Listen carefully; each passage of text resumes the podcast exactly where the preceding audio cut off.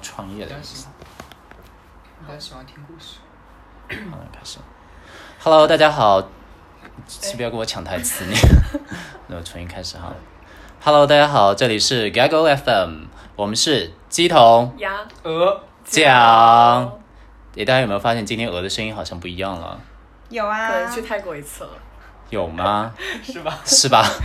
哎，怎么回事儿呢？当当当，是因为今天企鹅君呢有事儿，所以呢我们有一个新朋友代替了他的那个位置，还好不是我的 C 位。 对，我们介绍一下好不好？这位新朋友，嗯，大家好，我是从泰国回来的鹅，然后大家现在可以叫我 even 哦，不是了，其实我是对，今天是呃一个大家一个新朋友，然后大家以后可以叫我 even。哇，介绍什么？ Evan，OK，Evan、现在多大？是否单身？是否？对，这两个还有什么？我只有这两个问题。那个我们亚军有没有什么问题？你听我们电台多久了？哦，对对，我 我可以从故事开始讲。呃，我我为什么会来呢？其实就是我们当时这个电台应该有一个微信群，对吧？然后这个微信群里面，我当时应该就是呃鸭鹅鹅对吧？鹅嗯鹅是鹅鹅拉我的，对，现我现在还有他的微信，非常不熟啊，这对对对是一个很重视的听众对对对。然后呢，这个微信群，我记得在我我一年多出国之前呢，这个微信群好像就一直沉溺了。然后我回来之后呢，这个微信群又突然活过来了。对我觉得我觉得挺有意思的。对然后我我自己其实也有一个电台嘛，然后我是主持人，所以我比较喜欢这种跟大家一起聊，然后听人家背后的故事啊，去娓娓道来啊这种方式呢。所以正好赶上今天有这么个机会，就来串个场。对，嗯，然后你问我单身什么是吧？对，对，你看我绿色的，对我是单身的，好吧？好所以如果有合适的对象，请介绍给我。好的，以后再帮你征婚。然后刚刚那 个呃，我们新来的伊万这位朋友提到，就是他听为什么会沉寂一年多，然后为什么又活过来这个故事，我们其实在上期节目当中专门聊了一下。对，上期就上期啊、专门聊了一下，大家可以搜索我们的电台名“鸡同鸭鹅酱”，鸡是基佬的鸡，鸭是鸭子的鸭，鹅是企鹅的鹅，天鹅的鹅， 对，然后在各大公各大平台上面都能找到我们。好，介绍完了今天的开头，今天有一位重磅嘉宾，我本人非常的期待，然后是真的是一位重量级嘉宾，据说哦据说在央视的 CCTV CCTV 纪录频道上面出现过他，所以我们们现现场场还还有有人看过他的纪录片，对我们今天正好有位朋友还真的看到过他，证明就是说他不是在吹牛，对所以他是谁呢？ 当当当当，他是兰兰。 Hello，Hello，嗯，介绍他大家好，我是林兰兰，很高兴今天和大家一起聊聊 天。对，然后兰兰是，其实是我们那个夏娜的一位朋友，对不对？她了解的比较多，所以夏娜要不要你来帮大家简单的介绍一下她，然后那个兰兰再来补充一下看看。可以可以。楠楠是我两年前，我当时在公公司，我们当时也是同一批加入公司培训的时候认识的。当时还有潇潇，我好像把他们两个都邀请来做我们嘉宾了。我大家可以看到我们的嘉宾来源基本上是夏娜这边的个人关系。对他给我感觉，她其实是那种非常开朗啊，以及说非常聪明的一个女孩子。嗯，是吗所以？兰兰是一个是聪明开朗的女孩子。 你这样子问本人，本人对啊，你就本人表示赞同还吧 好。 但是其实我们待会儿经历过今天的节目，我觉得会大家肯定可以坚信，就是说兰兰绝对不止只是对聪明对和开朗，她身上有非常多精彩的故事。呃，然后因为之前简单了解了一下，兰兰其实不是现在定居在上海，嗯但是一从她非常小的时候不是上海本地人，哦，不对，我对老家是河南的，河南。嗯哦，OK，这个百度都有，大家可以 搜到。 今天这位嘉宾非常努力，就我们没有在编故事哦，今天都是百分百是真材实料的故事。对，所以是几岁来到的上海？当时来上海的原因是什么呢？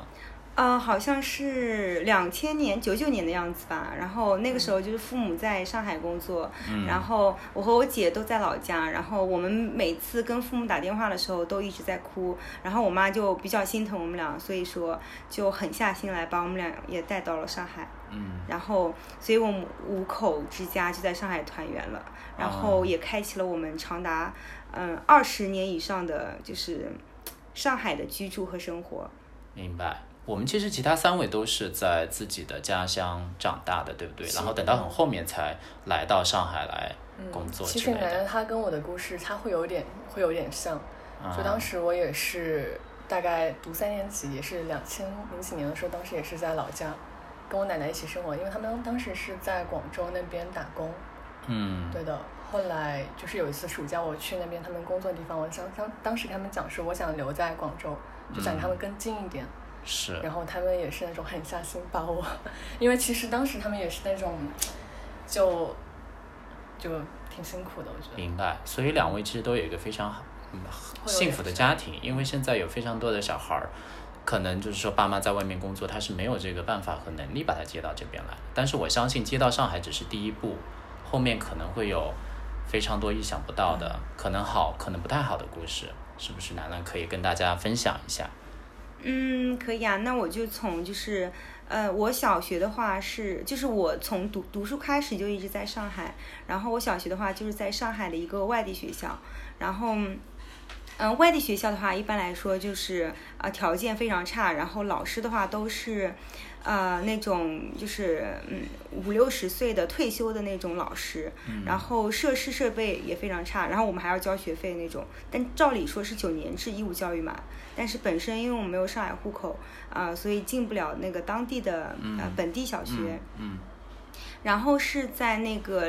零，反正就零八年的样子，就是呃那个时候上海市政府规定说，就是所有的学生。外地人全部都必须要进入当地的本地学校，因为那些外地学学校都被拆掉了。哦，所以我才明白嗯进入了那个上海的本地的初中，然后啊、呃就是和正常的一个就是呃上海学生一样，就是和上海人一起啊、呃在学校读书，然后就是拥有正常的这个教育设备来就是呃念书，所以从初中开始也蛮珍惜啊、呃可以好好读书的那段时光。那在这段转变的过程当中，其实我比较好奇，作为一个小孩子，你当时有意识到这种就是差别对待吗？或者说这个经历，你当时会不会自卑？然后直到转到和上海的本地的学生在一个学校里之后，心态上面会有什么变化吗？因为那个时候其实很小，所以不知道，比如说即使你从小都是吃的泡面，但是你不知道嗯、只别是因人为吃的没什么。钱才吃泡面，对，不对？所以你不知道就是别人在吃什么，你没有这个是对比。然后，呃，初中的时候，我第一次进就是去学校，就是要就是要参加一个模拟考试嘛，因为你要入学的时候，呃所以那个时候是六年级叫预，在上海叫预备班，嗯然后我们都要参加那个考试。然后第一次进入那个学校的时候，给我的最大的感觉就是说，啊、首先这个学校真的非常大，非常干净，非常漂亮，然后老师都非常年轻，都是三十岁左，就是三十出头那种，嗯就是给我给我感觉啊，不都应该是老头老头老太教我们吗？所以。呃，也蛮多第一次的这种呃感受，然后操场啊，包括什么啊、电脑房，然后美术室啊之类的，就是对于我来说，就是哇，一个很好很新，然后是一个蛮不同的感受。然后之后真正读书了以后。呃，就是和上海人，其实，哎、这个也是，这个就要批评一下上海的这个一些学校的这个规章制度是非常的 mean 的，就是非常的不公平的点，就是在于那个时候我们还是外地人和上海人是分在不同的班级，啊，然后我们比如说一个年级的话，它有四个班，就一班、两班、三班，然后我们班是外地班，所以是五班，然后没有四班。哦，我一开始，你觉得这个四班是代表什么？你觉得为什么没有四班？如果你在那个种情况，呃，主持人你会觉得为什么没有四 班？嗯、是是不太吉利 吗？对，当时这也比较是久是吗？这个对所以这个年代久远，我当时也很小，我以为嗯就是这个原因，但是我是到初中呃初二的时候才知道哦，原来为什么我知道呢？是因为。啊、我我初二的时候的六年级，那个时候已经没有四班了。我想嗯说，那肯定跟四和死这个谐音的这个梗肯定不是这个喽。嗯然后那个时候我们才，然后跟班主任关系也比较好，然后才在就是悄悄问他，然后他就是就就就把这个事情就是稍微很委婉的告诉我们，我们就知道嗯啊、原来是为了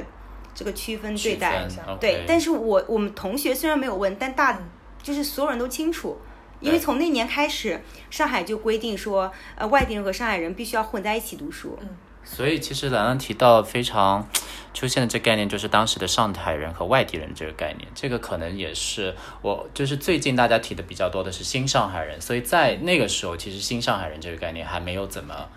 被大家接受，对不对？还是以上海人和外地人这样一个标准去区分你们。嗯，啊因为可能当时那个时候，呃，外地人都不是比较富有，不不属于明白中国，就是上海社会的呃主流的那个小资的那一那那个群体。但现在外地人其实比本地上海人总就是从经济或者是从教育方面都其实要可能要高一些，就对是平均或者来说。对，或者比较接近了，就不对太会以有这这些个去差评距价。嗯对对对，明白。所以就是顶着这样的一个背景，然后读的时候会不会觉得，哎呀，那我要更加努力，我要超过那些上海本地的学生，会不会有这样的心情吗？呃，有那么一点点，但是那个点就是在于学老师的区别对待，让我们觉得啊、我们就是跟他们不太一样，你你才会觉得说啊，我们为什么比他们差这样子？因为老师经常骂我们，就是我们学的所有的上海话全部都是骂人的话，因为他就整天骂我们。哦，你们还学上海话呀？嗯，不是学上海话，就是他，因为就是上海规定必须要讲普通话嘛。啊但是老师一激动的时候，想骂你的时候，就讲就讲上海上海话话。啊，所以对于就是我们呃接触到的上海词，一开始全部都是这种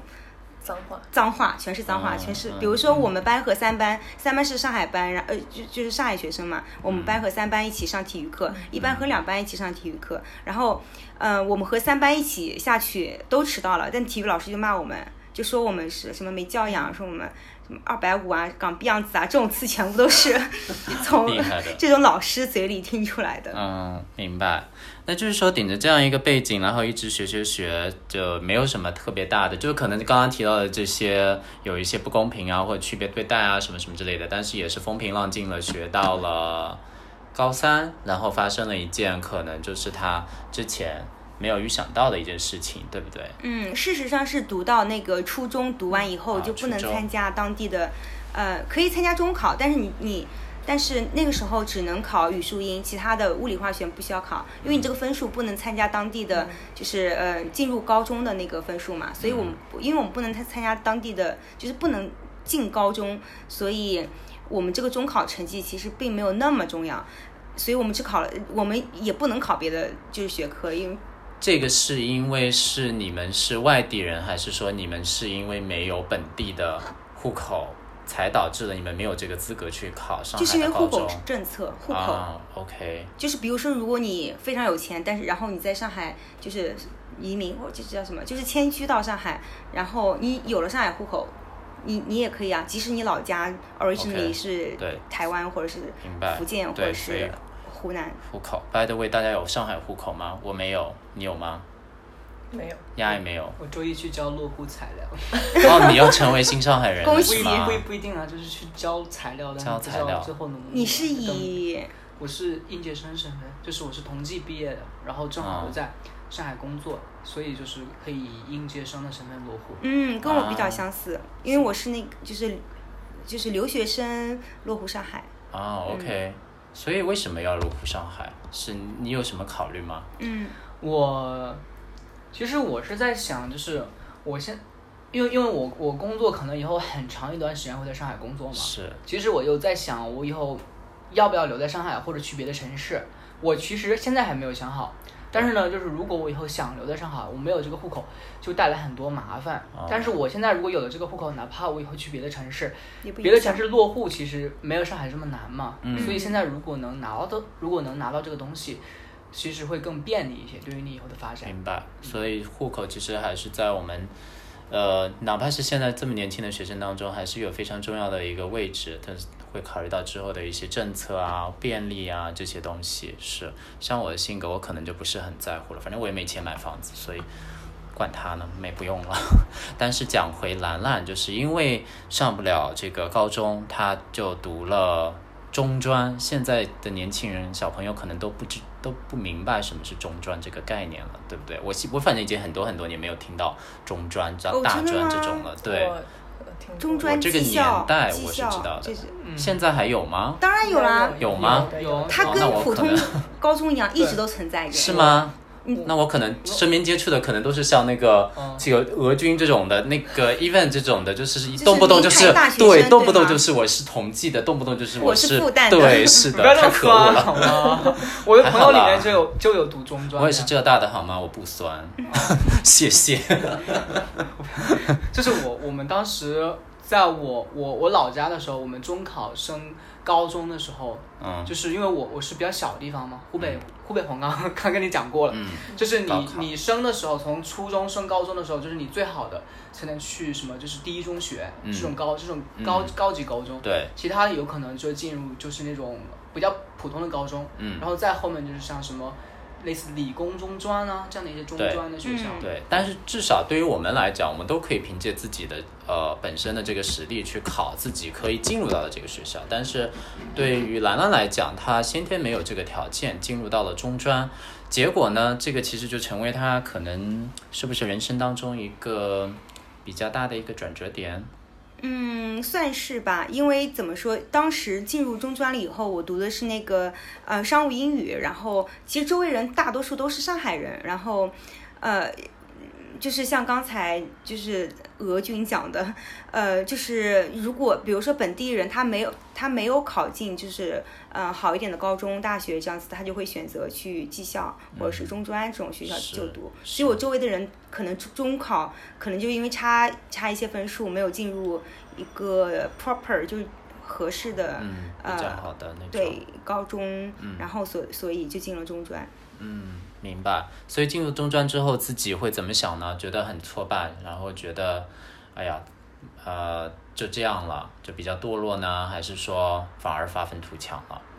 呃，其实我跟就是我初中同学的话，就是我们一起的嘛，所以是初中的时候大家就知道，就在初二的时候我们就已经意识到说，呃，最后一年就是再读一年，初三其实那个成绩对我们来说不重要，因为你考再好你也进不了那个高中。嗯所以说，有一批人已经从初中、初二开始不读书了，就就浑浑噩噩，每天上上上学睡觉这样子。然后老师也不是很 care 我们，因为他说，反正你明年也不去参加高考，呃，中考，呃，也也也不去那个当地的高中。嗯然后这个对于我们来说，对我们来学校来说也没有什么特别重要的点，嗯因为呃，一般来说学校都会说啊。就努力努力让学生考到一个好的学校，他可以说啊，我们学校嗯有考进了什么什么什么。但对于我们来说，他们就是没有这个所谓的 KPI 或者是嗯这个压力，所以啊、老师也不怎么教了。比如说我们上英语课的时候，老师就给我们随便放个电影之类的，我们到初二、初三的时候就一边看电影，然后嗯哦好幸你福想这是我们当时羡慕的生 活。对，就身在福中不知福。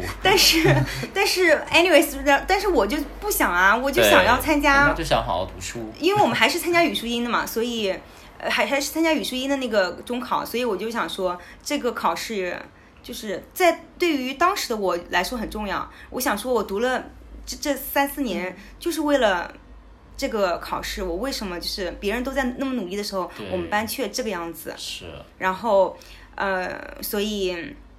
我每个星期都会向老师要别的班的卷子，然后自己做，做了以后每个就是然后会给老师让我帮我批，然后所以就我和其他两个同学，我的好朋友，然后就就是呃一直这样做，然后我们中考考的也不错，就是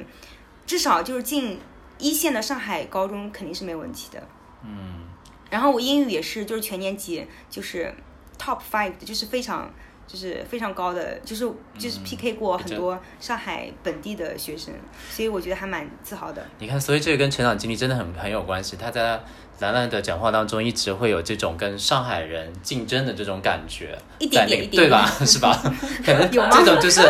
从小的经历上面，其实确实会有一点点的这个影响，但我觉得这个挺好的。对就是觉得其实你并没有不如他们啊，为什对么啊就是外界会是啊给你一个 title 说对你们就是外地人，你们就是不如上海人好？对对就是我就觉得这种是一种 stereotype，就是一对种嗯，很不很不公平、很不健康的一种心对，态。是的。所以在也据我的，我不知道我理解对不对，读了中专或者大专之后，读完之后他们就要去工作了，对不对？一般人对就不会再往上读了，他对的读的是一个技能对的。啊，所比如以说我弟他学的就是汽车维修，啊所以他就是继续走这个方向。啊，其实这个挺好的，因为社会上面就是需要各种各样的会技能的这样的工种嘛，而且他嗯们的工资其实待遇都非常高，嗯只不过在国内可能大众对他们的印象还没有停留在刻板印象。对他们是比如说蓝领这个工人阶级，而不对是是没那有种得白到领的他 office 的们那值种。得的那嗯好像个德尊重和理解，嗯，德国那边的好像就是这样分的，对就是你是可以选择进一些比较综合类的学校，哦还是就是技偏向能类于的，对技能类的，对，对，因为在我国外其实是相似的，是同同等我之 level。嗯前在荷兰也是的，他不是因为说我不会读书，我考试成绩低我才去这种，而是因为他在一个一定阶段的时候，就是我们可以按照自己想走的方向去读。你想读学术类的，那么你就进入到这些高中、大学的一个路径里面；如果你想学某些技能，你就去这一类学校里面。就其实大家都是一样的。对，对这个我们就顺便插一下，我们希望就是啊、没有进入到理想的高中和大学的那些同学，一样可一样可以有一个非常好的工作，然后可以活得非常的开心啊。嗯，对，但是兰兰的路径就好像你有工作吗？你进入个中专之后，然后之后呢？发呃，生了我什中么啊、我中专读了一年，第读了一年，第二年的时候就是。啊、我们从就是一个老师那边听说有一个叫世纪联合学院，就是 United World College，、一个嗯类似于 high school，他读的是那个 IB 的课程。嗯、如果就是是一个国际文凭，是就是呃高中后面两年这样子。嗯，然后啊、我就申请了，申请了以后去北京面试，啊、面完试以后。哦，面试的时候其实印象还蛮深的，因为是去北京，然后呃，所有的那些学生都非常厉害，就是完全把英语当成母语的那种感觉，全部都是英，全部都是国际学校的学生，或者是全部都上，比如说是全呃各个地方的，就是拔尖的学生，就是嗯、就是可以保送清华北大的那种学生。嗯，然后英语又超级好，然后又经常就是说什么啊，我喜嗯暑假就是会去各个比如说哈佛的 summer camp，就是夏夏令营啊之类的，就是非常就是啊、反正对于我当时的我就觉得是见过世界的那些学生一起参加那个面试，所以印象还蛮深刻的。But anyways，然后就是在嗯。一六年的三月份，然后我也拿到了这个 offer，然后是获得全额奖学金五十三万，然后获去那个英国读书。哇塞，获得勤额奖学金这个点是非常的厉害，因为你是你去读什么？是文科方向的，对不对？ IB 它是一个国际文凭，它就是一个，比如说 ICT，你知道，它是个考试，它那它就 OK，就是它是一个就像一个怎么解是一释个，证书，一个资格证。就是一个证书它就是一个国际课程嗯，对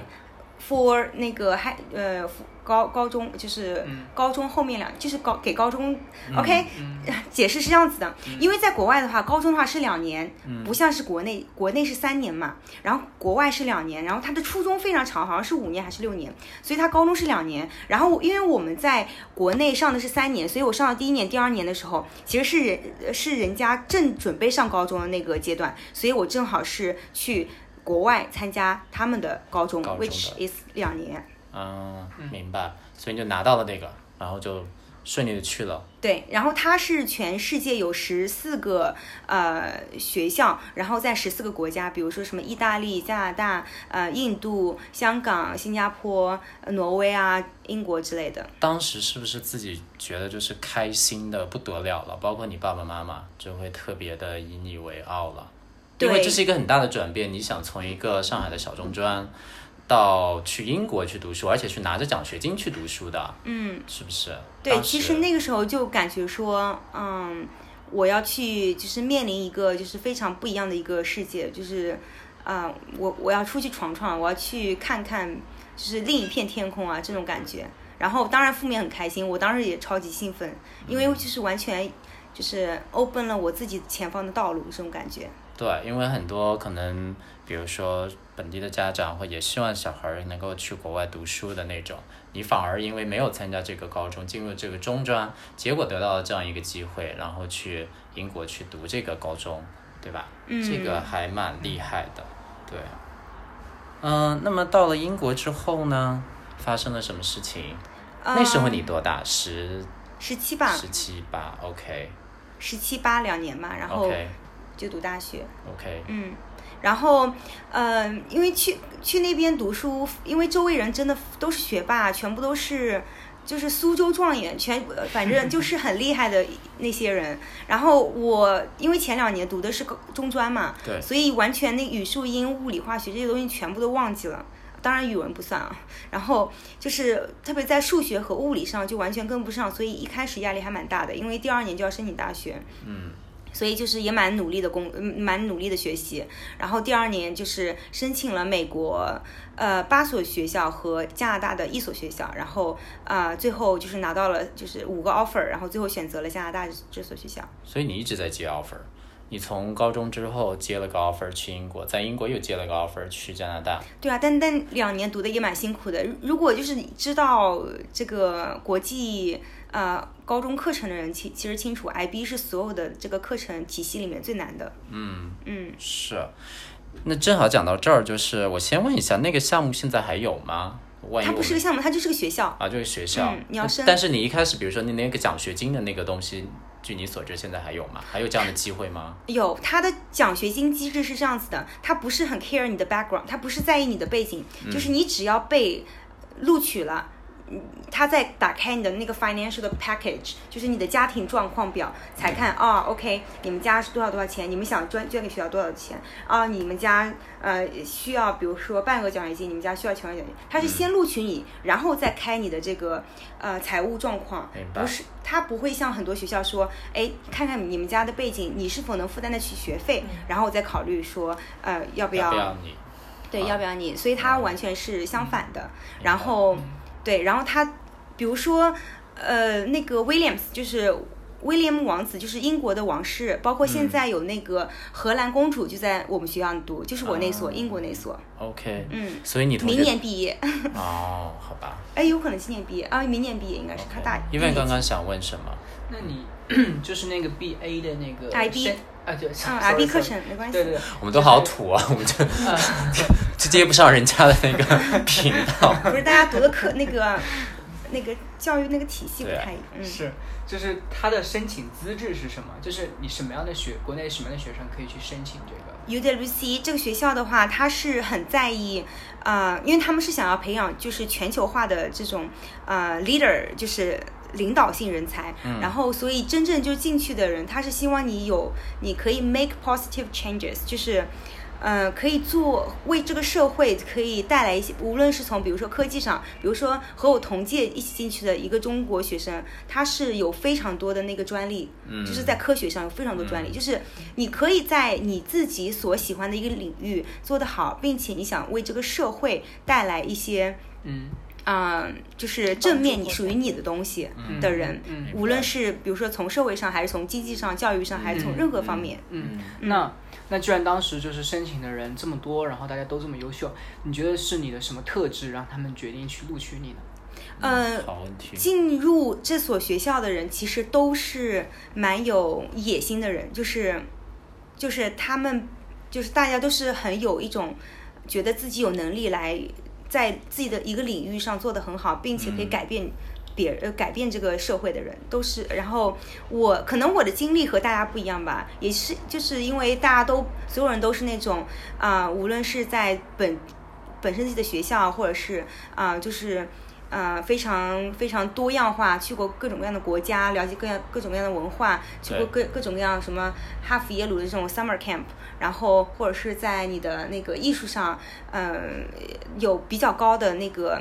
成就，对成就。然后我的话，可能就是我的这个 background，呃，对嗯于对于这个我的那个 interviewer 呃 in 听到了面以试后觉官得很有嗯趣，对。嗯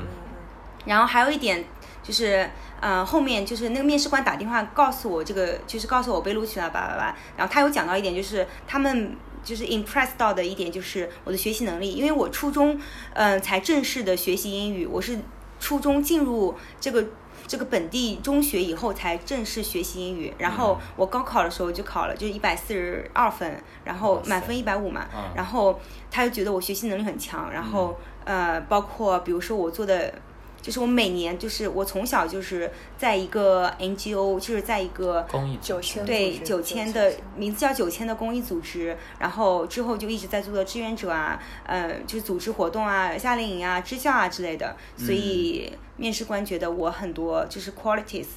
就是一些特性还和 UBC 的 mission 很像。对，这个其实是比较普遍的，就是西方的学校比较喜欢比较有特长，或者是比较有一些比较 interesting 就有趣的一些点，然后又呃不仅仅只是专注在自己的学习上面，同样能够走出课堂，嗯，对吧？可能如果说对于国外的大学有憧憬的话，其实呃可以想一想自己的一些优势啊是什么样，然后可以丰富一下自己的这个背景经历这一块，我觉得这个还是蛮有用的，因为学识分数毕竟只是一个很死板的一个数字嘛，打在那边。然后到了英国之后，是不是那两年怎么样呢？是活得怎么样？是有符合自己的预期吗？有到处玩儿啊，还是说每天只是在那个学校的博那个教室里面啊，或那个图书馆里面在那个啃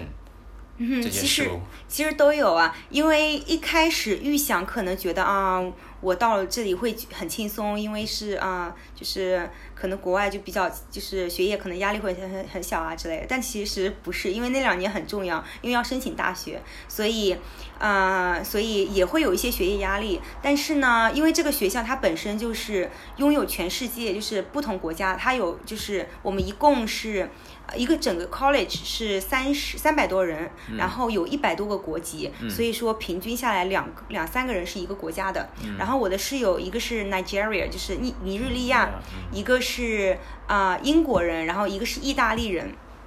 所以是不同的国籍国国籍，然后不同国家，然后所以也会有非常多就是文化上，包括啊、嗯，就是饮食习惯，平时这种啊、social 的很多习惯的不一样，也蛮有趣的。嗯，嗯，所以就是有非常丰富的校园生活，然后呃学习，然后再申请一个大学，就基本上是围绕着这些在转。你对的整个高中生活。啊对，就是也是一个蛮呃 typical 经典的，就是一个嗯比较高中典型大的家对啊典典型的大家就是那个年龄段在做的事情。 啊，嗯，挺好的。那然后就又申请了这个加拿大的一个，现在就是到了读大学的年纪了，嗯对吧？然后对又又申请上了，然后又去，这次应该没有奖学金吧？ 不然的话我会生气，应该有是嗯吗？多少自己花一点钱呢？就是我申请这个学，就是我拿到那个一百多万的 全额奖 学金。你拿又拿了一百多万，杰好瑞吧，当我没问。 Jerry 可能不想聊， 当我没问，因为我当时的奖学金，我也是有奖学金，但我这个是你的五分之一，我们只有二十来万。也很多啊！你是去但我哪们里？荷兰就比较便宜的那哦个。是一年吗？一年，对对对，一年，对啊就是交完学费还有一点点生活费这样子，嗯，我对，大概就是这样子。呃这我我本科就是没没有用父母的，就是一毛嗯钱。然后我自己出去玩之类的，就是奖学金剩下，因为奖学金还蛮多的，一百多万就是四年是除不去是学校，对，每年差不多二三十万吧。对就对除去学费，然后他还给你生活费，然后还会给你 flight，每年都对会有那旅个，行的那种，对不对，？就是呃，就是机票费之类的。对，所以这个 scholarship 还蛮，呃，蛮好的。 所以我觉得你肯定是有一些点让他们觉得特别值得，因为你进了那个学校，然后大家竞争力都非常高，嗯，凭什么这一百多万就给你呢？但这个学校 UWC 它本来就非常好，为什么很多人比如说保送了清华他不去，他选择 UWC 呢？因为他觉得他通过 UWC 他可以进哈佛，就是这个 UWC 是一个在。呃，在美国或者是在欧洲，它是非常有名的一个高中，就是这里面的学生他们都知道不会有错，因为 IB 这个课程也是我们学校设计的，这个就是我我们这个学校的 founder 也是这个 IB 课程的 founder，嗯，就那创始人，对，嗯，然后所以，嗯、他就相信我们学习，就是这个学校出来的学生都一定非常优秀。然后我周围的人就是进入什么呃 Brown，然后 Cambridge，还有 Oxford，然后哈佛的人真的我好几个，就是明白每一届有一百多个，你如果能有好几个都能进入这种 level 的学校，其呃学生其实对，这种学校 level 就蛮就高的。非常的精英了已经。所以拿了一百多万，然后又很潇洒的去了加拿大。你那时候就是怎么说呢？我拿到五十多万的时候，就是已经觉得很开心了，然后再拿到一百多万，又拿到个奖学金，又去那个国外另外一个国家去念大学了。这个时候你自己从对自己的认识上来讲，会有一些转变吗？就是说会容易觉得说，哎呀，我就是一个很厉害的人了，会有出现一点点飘吗？就现在很多人说这个人就有点飘了。当时可能没有想那么多，我觉得我对自己就是目前到状这个状态比较自信，或者是说比较无所谓的，其实是大学毕业以后，就是现在。为什么呢？因为，呃，大学那个时候其实过得相对而言比较轻松。我讲一下，我在英国那两年其实过得不能说苦，但是真的蛮努力的，嗯，并没有说很潇洒或者是对，就是在无论从呃社交上、文化上还是学业上，其实都多多少少有一些压力。嗯。然后大学比较轻松的点就是说，啊，虽然国外大学其实是那个学业压力也蛮大，但是，嗯、因为我在英国那两年已经就是经历过这些东西，所以是对于我来说比较容易呃去适应适应对，对所以是完全就不需要适应，就完全可以就 get used to 这个大学的这个节奏。明白。因为我们这 event 它其实是在意大利交流一年。嗯，你其实在国外待了六两年一六共六年，年两年加四两年对，我是待了三年。你有 吗？没有没有你要不也去申一个奖学金？快点，那个兰兰帮他申请一下。 master 还是有蛮多的是项 master- 目的。对，其实而且欧洲其实有蛮多的奖学金的，嗯欧洲的学校除了英国之外，学费什么之类的相对都比较便宜，相对于美国、北美和对英国来讲，就会对比较性价比比较高，而且有比较多的奖学金可以去申请，嗯这个是我个人的一个经验之谈，啊对最的。便宜的是意大利了，很是吗便宜，很便宜。学费大概多少？少一一个其学实期一年？哦，他们欧元的话，我知道米兰理工的硕士一点几万，一点几万那欧，差不多是十万块钱。荷兰是一点二万，也就是说学费是一年吗差一年，嗯一年的学费是一点二二对万欧，也就是说是十万左右的一个人民币的一个学费。嗯但是到了英国之后，马上就翻倍了，至少是对二十多万起了。对美国可能就更贵了，二三十嗯那种。万。对呀、所以再加上那个生活水平。就是相对美国和对吧，嗯英国来讲，其他欧洲国家也会相对低一点，对，嗯所以这个是可能就是说家里面，因为很多学生可能会觉得出国非常贵，就是嗯可能我第一印象我自己一开始也会这么认为，但是如果多做一些研究的会发现，对其实对可能还是会有一些适合的这个自对，己包的括你去项目嗯韩国或日本，其实有些项目或学校，他们学费其实并不贵，特别对是韩国。对，所而以且建有议奖学金的。对有奖学金，对对奖学金这个一定不能错我知过，道，我知道，如果升米兰理工的硕士的话，这中国学生基本上基本上就是能升到全奖，会有一部分能升到升到全奖，就是你不需要出学费，嗯，可能还要补助一些一些生活费。是然后呃基本上都能升到那个生活补助，嗯就是一个月可能也就、也有几千块钱的那样子，嗯。所以还 可以了。对，所以说一定要自己去多花一点时间和精力去这块看看。假如我们哪位小听众可能现在正好说还在读书，或者是读完书之后现在在工作当中，之前那个《三十而已》，不知道大家有没有看？那个正好昨天放了大结局，我就稍微剧透一下，里面一个三十岁的女主角，她就是工作到三十岁，她还是去的那个英国，想要去读书，但她特别不真实，她就十万块钱，她去爱丁堡读硕士读两年，我觉得这个有哦点这个悬了， 对，读不了，应该是不肯定行。读不了。 对，所以对，但就是我们顺便插一下，因为今年今天兰兰的这个经历其实有点惊人，我都被吓到了，拿了一百五十多万，白拿了一百五十多万。不是白拿了，肯定是凭自己的那凭自己的个能成力品实 好吗力拿了一百，所以才更可恨呢。就人家就又优秀又比你努努力呗。所以去了加拿大之后那六年，我们顺便再聊一聊，就是在国外读书的时候，你觉得呃，怎么去融入当地的这种生活？对，我们俩也可以分享一下，嗯我们有一点我觉点得经验。呃，我觉得两点吧。第一是语言，但这个语言只是个敲门砖，就是你它是个工具。呃，首先你要，比如说你。你你去英国，你首先当然英语要有这种口语的这个能力，就是最 basic 你要你要 OK。对然后你去意大利，当然你意大利语你多少会一些，或者是你用英第二外语，就是用用那个呃英语也没问题。所以语言肯定是一个、一个最最 stepping stone，它是一个最最基本的一个一个点。然后第二点的话就是你的心态，呃，因为国外很多时候你要你你你要 open 一些，就这个 open 不是说在，就是比如说。在比如说在性上，或者是在他们的一些习惯上，就这种是，而是你的心态，你要接受不同的，你要嗯，你要 embrace the difference，你对就要对对于这种多样化，对于不同的这种事，呃，就是呃看事情的这种态度，你要呃 be open，就是对可以接受他们有不同不一样的想法，他有不同的是 religion，就是对宗教，他有对不同的这种信仰，他有不同的对习惯。对，我觉得这个东西，这个心态是最重要的。我觉得这个是非常好的一个点，就是说我不是要让你成为他们中的一员一份子，对，就是但是我们可以以一个更加开放和包容的心态来看待和。呃，接受或者说去认识这些不同，嗯在这个过程当中，其实自己也会有一些成长和一些那个经历上面的一些丰富。我觉得这一点也是我自己个人上面，呃，可以这么说，就去了之后，我反正就开始放飞自我。但是这个东西就是说因人而异，我觉得对我而言是好的，因为我可能会觉得我会对自己的认识更加深，我也知道自己是一个什么样的人，我想要成为一个什么样的人，对吧？当然，如果你觉得你觉得现在当下也挺好的，那么你就抱着一个去看看世界的一个心态，这样也挺好的。我觉得对于以后就是生发生的一些事情，也会有一个更好的认识，对的。那有没有什么比较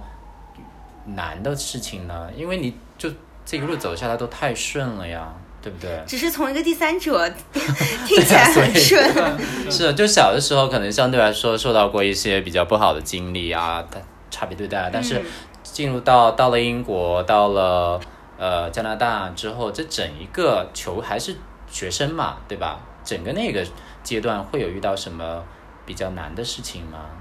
嗯，等一下我先讲一点，就是啊，比如说你，呃，你我比如说我，假如说我旁边有一个学生，然后他说他保送到清华，然后清华读完以后读了嗯 master 在哈佛，哈佛了以后又读了一个 PhD 在 Oxford 在牛津，嗯然后读完这些以后，他又进入了世界最好的呃公司 consulting firm，嗯就是麦肯锡、o k 你就觉得哇，这个人太顺了吧，太厉害了吧。但是其实他每一步他都是有自己的努力，是，当然幸运只是是一一部分，是一个嗯就是，嗯、是是是一个成那个元那个 component，对，嗯，元是一个素成元呃元素对对但是他自己的努力，包括他的选择，因为每个人都是在选择你想成为什么样的人。就是当嗯你看到机会的时候，有些人愿意去 open，、嗯有些人闭着眼睛说这不是机会，我要嗯从另一个方向走。所以这完全是看你自己是个怎样的人，你想要让自己成为怎么样的人。明白。那所以聊了这么多，所以肯定有很多艰辛是不为外人道，或者说 大家我这个我也其实确实能理解，我们只是看到了他的一个最终的一个结果，我们没有看到他付出的这个过程嘛，肯定就有一些艰辛啊或者努力的这一些。但是呢，既然到了大学，就是成年了，那我们是不是可以小小的八卦一下呢？就是说在大学，因为因为很多没有去过的人，对于国外的生活还是会有一些你知道幻想，或者对说一些典型的觉得，哎呀，是不是很乱，或者说是不是真的每天开 party，还是说怎么样的？这个可不可以现身说法一下来呢？当然不是 啦，国外大学很辛苦的，就是课程非常难。就是嗯有一个说法是，呃，国内大学是难进易出，就是你很难进去，嗯对但是你很容易毕业出来。但国外反而是相反，相反嗯相对而言比较容易进，但是很难很难毕业。所以有一些学生就是呃毕不了业，就是因为就是大学成绩不不好不好学习这样子。对，然后不可能就是每天都 party 啊，但是 party 或者是呃社交是他们很重要，让自己就是很重要的生活一部分。对，是比较在他们文化当中的一个东西。对，就是啊、呃出去玩喝酒或者是 surfing，就是海浪冲浪、对海上冲浪之类的，这是他们的一个呃娱乐方式，就像你 KTV 一样的，就是国外不会去 KTV，但是你 说 KTV 就是要么你每天都在嗯 K 歌吗？你不会这样说，所以只是一种生活方式的不同，而且他们很简单，非常简单，就是对我很容在易开我心。在我在意大利的时候，嗯，他们每天中午他们会自己带盒饭，嗯然后其实我们我们是米兰理工那个校区非常小，他们中午的时候就是一到了十十二点半的时候，大家每个人拿起自己的盒饭，然后在那个草地上大家围成一圈，然后在吃饭，嗯说说笑笑，这个在国内绝对是不可以想象的，对大家就会觉得这么简陋的地方还要在这边吃饭会不会很丢人？嗯，而且呢，就是他们。我们之前一般一做每做完一个项目之后，嗯大家会在草地上开几瓶 Spritz，、嗯然后自己配了，在那边一边喝，然后一边大家打闹啊，开心聊天啊，对聊几个小时之久，这对些在国内都是不可以想象的。是他他们的他们的很简单幸福很简单，对的，对节奏确实不太一样，对的，呃，而且他们可能注也是成年之后比较注重这个，马上需要去独立。确实，我身边也很难见到说啊、非常豪华呀，就是很富裕的那种状态的学生的，反正是非常非常少的。这一点我觉得确实，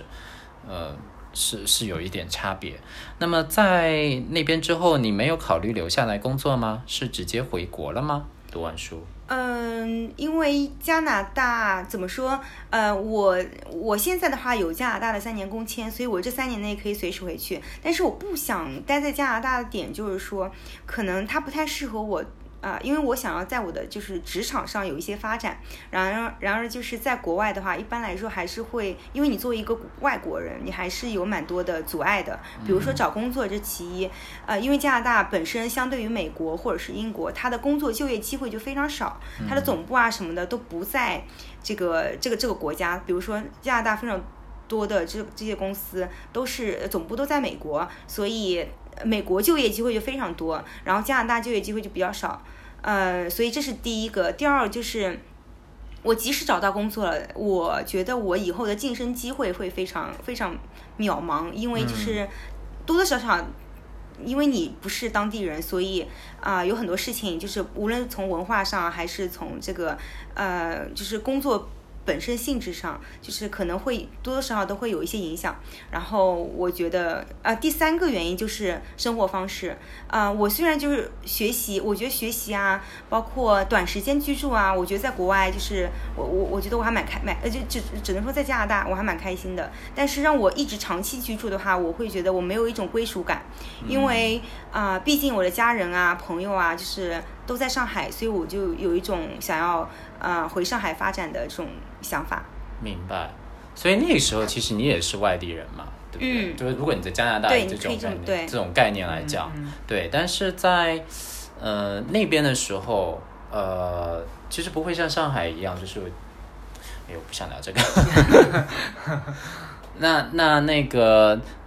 除了这一块的话，是不是好像我也听说那个兰兰去了比较多的这个地方去玩儿，对不对？嗯，就是在英国的时候有这个机会嘛，所以有因为朋友会有不同国家的人，所以啊、我有个很好的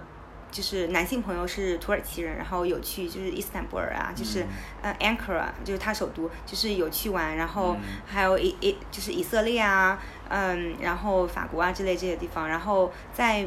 加拿大读书的时候，就是会去美国啊，还有一些呃南美的地方，比如说哥斯达黎加、呃哥伦比亚，然后还有呃北美的呃什么墨西哥啊之类的，就所以是蛮都喜是欢旅行的。都是用自己的奖学金出去玩儿的。有打工四吗个了，嗯，啊有对打打工工有一过学打期，就打是工就一是觉得那学期的压力就学业压力比较小，所以就想打工赚点零零用钱而已。但是啊本身就是那个奖学金其实是 cover 你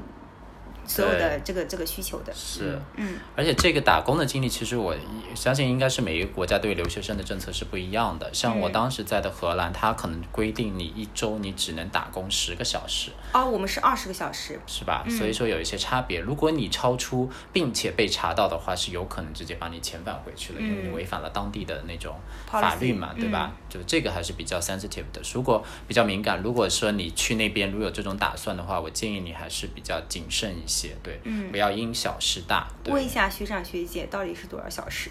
对，是的，一定要搞清楚，不要被比如说那个用人单位啊，给给那个迷惑了啊。所以这个我们就临时提出来一下。所以又兜兜转转又回到了上海，然后嗯 四月底回的。四月底，今年四月底，对啊，就是疫情。哦，你才刚回来啊？对嗯啊，天哪，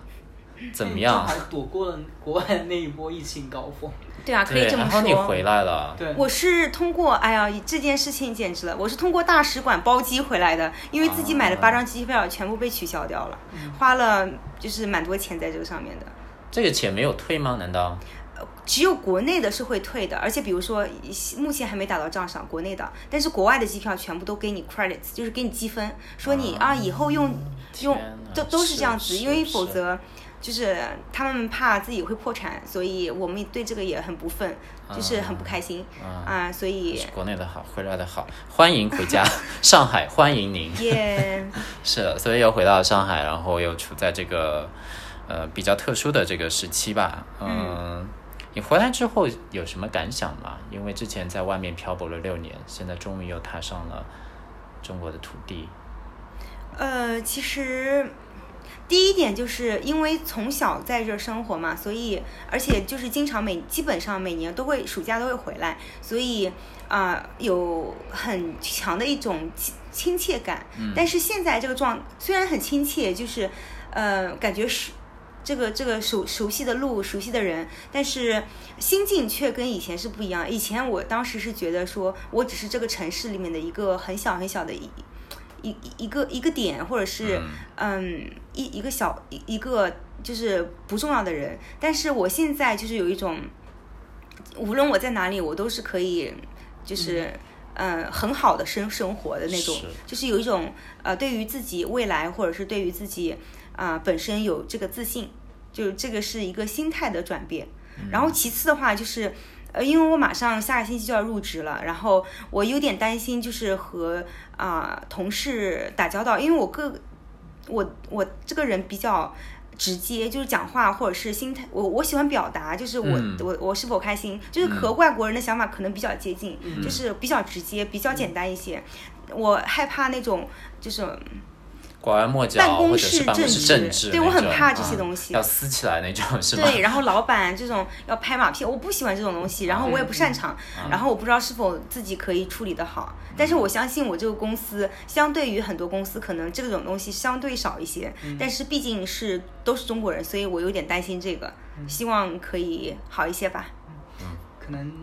你们工作经验多一点是吧？对，其实呃，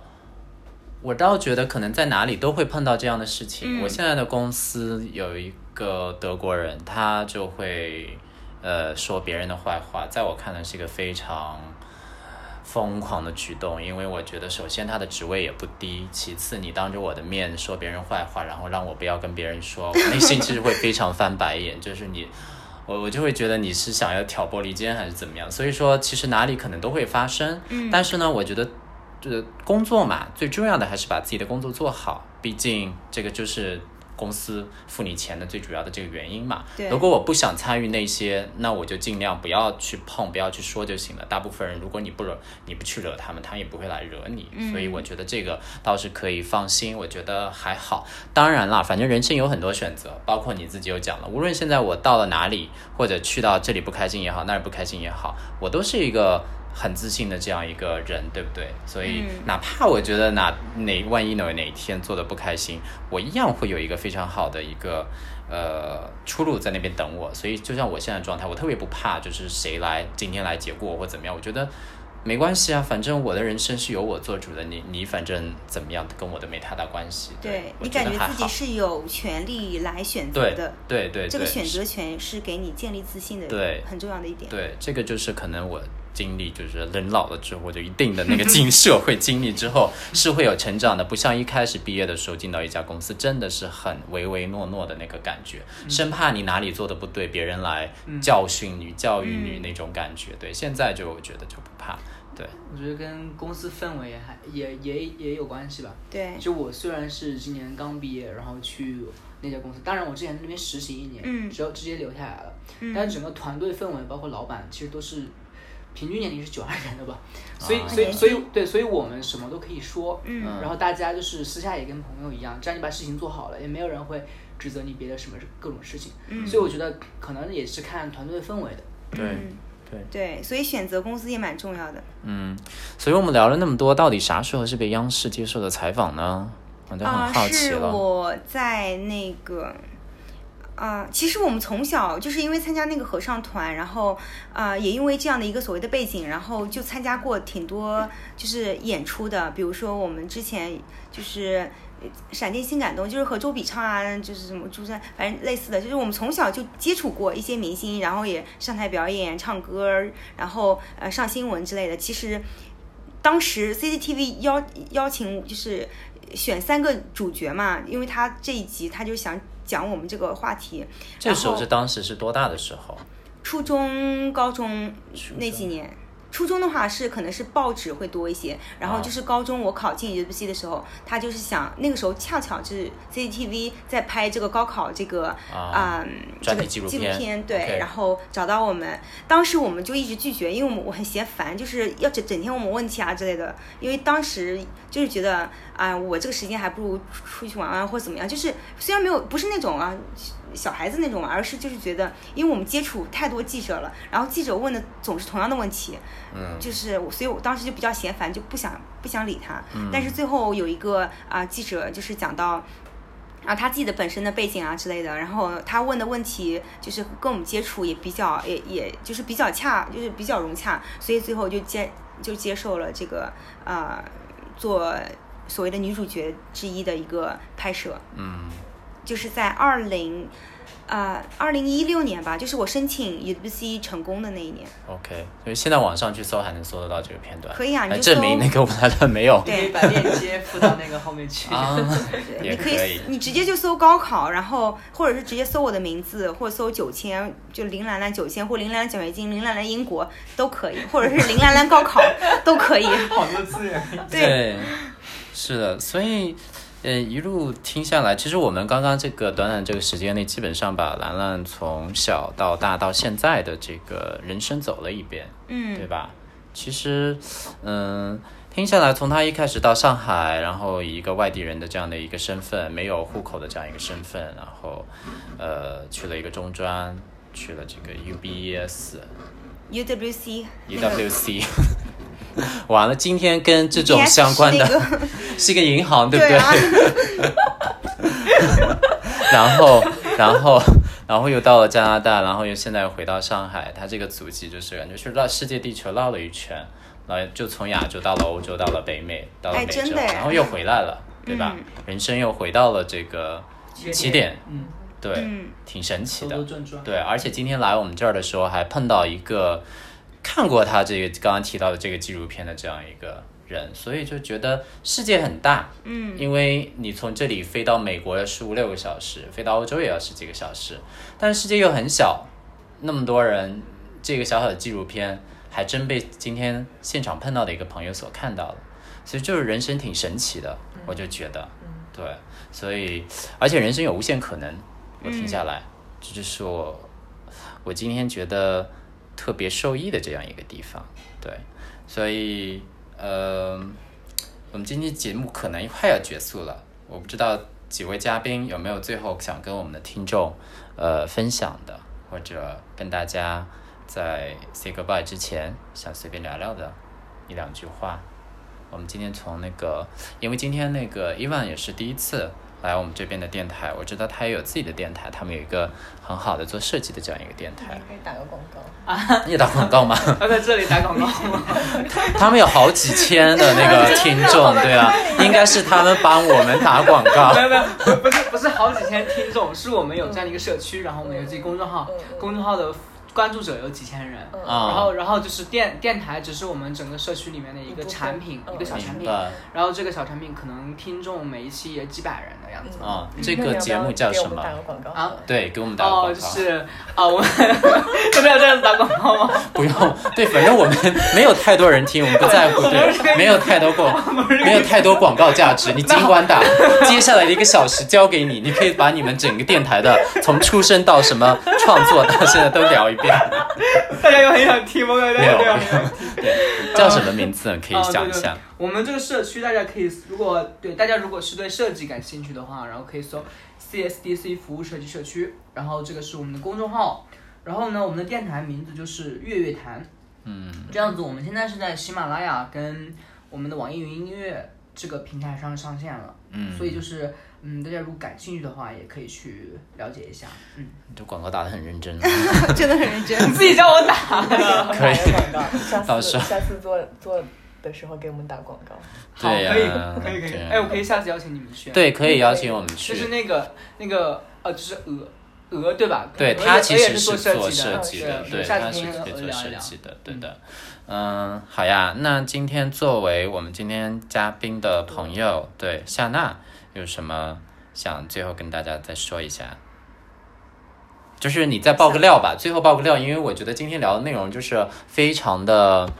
怎么说而呢？且非常详有实意义。我觉得详实，然后比较实用，但是同时又是偏，你知道偏非常正能量的东西，就是我怎么拿奖学金啊，我怎么出去啊，然后要回来 啊，感受到祖国怀抱的温暖啊，就是我们也没有问一些八卦的东西。夏娜，你能不能 妈爆呀个料？他单身，啊、他单单身身又是单身，他直直女，他这个挺重要的。直女单身对另外一半的要求，你觉得呢？他喜欢什么样的男生？我觉得他其实会比较喜欢有想法的男生，嗯我觉得他喜欢帅哥哎，帅哥一肌部肉嗯分，然男后有想法，，有然腹后肌，可能之前的经历，或者说之前看到的一些事情跟他差不多，是就并不是说只局限于中国。可能是会这样。就是是不是对需要一个可以崇拜的对象，就要有自己的东西，要有自己的想法。对啊，我觉得这个是最重要的点吧。我觉得颜 值啊排在第四吧。还有他哦之真的前假的他他之前前男友是一个韩国人，对吧？韩对国男，生。韩国男生，你有见过吗？是那没种有欧他巴在类型香港吗？，我没有见过，我没有见过。我对，从来是那种没见过成熟欧巴类型的。哦，OK，所以好的，那么这是一个非常非常关键的点，有意。 大家可以先去搜一下视频， 但是我们的听众可能对我们听众肯定有很大的交友需 求，我们都能满足。对对对，你要听设计的，我们有设计的那个联谊的那个电台，想要找我我不想讲设计，我也想真有。你也有真有，你等下一次好吗？等下一次你今天作为主持人没有这个福利，我们今天就只能给嘉宾来开放。对，呃，好，那么今天作为我们嘉宾兰兰有什么最后想跟大家想要说的话？就是多尝试吧，就是无论就是我我前面几天听那个呃罗振宇的， 我为什么会帮别人加的？对啊，又来打广告，对， 就是我，反正我我听到一句话，就是说，如果你这个时间你躺在家躺着，然后你可以做一件事情，比如说别人叫你出去吃个饭，或者是嗯、呃开个 party，或者是做一件事情，然后你可以选择做和不做，那你就做吧，反正就是你现在也没事儿嘛。如果你对做的话，你反而可或许他会帮你增加不一样的经验，让你认识到不一样的人。嗯所以就是说，嗯，全部都是 about 选择，就是看你在每个年龄段他这个状态中，呃，你有什么样的心境和选择，就是呃，努力让自己成为一个有选择的人，而不是被选择的那个人。嗯。你知道我今天最大的感受是什么吗？我非常确认那个兰兰刚从国外回来，因为她在语言沟通的时候，很多时候就转换语不过法来，是吗？不是，就是对，就会蹦这种英文的东西出来。这个就是我们刚从国外回来的人会有这样的一个特点，就是沟，就是整个转换上面是需要一点时间去适应的。对，千万不要那个有一些听，因为这个东西不是有时候经常会被人吐槽吗？对对中文夹杂，但这个其实是非常非常现正常的一个现象。啊哦，对他们会认为是装逼，对不对？完全不是， 完全不是。对对我其实非常能理解，包括我自己其实也也是，尤其到现在可能也会，但是这个可能看朋友。有的词汇确实，它英文就是一下子让你能 get 那个意思，但是对中中文的话，你就不知道怎么去翻译。对你可能是需要会有一想些一下啊、哦，对用那个词。对对对，是的，好吧，所以千呃， 然后对，希望大家都能够有一个非常精彩、快乐、呃幸福的人生。然后不管你出生在哪里，来自于哪里，呃，然后最后帮我们电台打个广告，我们叫鸡同鸭鹅讲，改革基佬的鸡， 对，改革 FM，呃，基佬的鸡，鸭小黄鸭的鸭，企鹅的鹅，天鹅的鹅。 对，可以在各大平台上面找到我们，比如说什么平台，网易云、喜马拉雅应该还有吧？小宇宙上面也可以对就没有好像，QQ 我们不一，我好我不知道哎，不一定有，我也不知道我们在哪里有， 但是几个主流的应该都有，对，对特别对太不专业了。好的，那我们今天的节目就到这里喽。如果对我们的嘉宾或者是参录制呃节目感兴趣的话，随时联系我们，可以通过留言和邮箱找到我们。然后再一次感谢我们今天的嘉宾兰兰，还有我们的新朋友伊万来到我们的电台做客，希望下次可以呃跟你们聊得更多，因为这是第一次跟大家见面嘛，所以呃我相信还有很多有意思的话题可以跟两位再去聊。好吗？好，我们今天就这样喽，拜拜拜拜，拜拜，拜拜拜拜拜。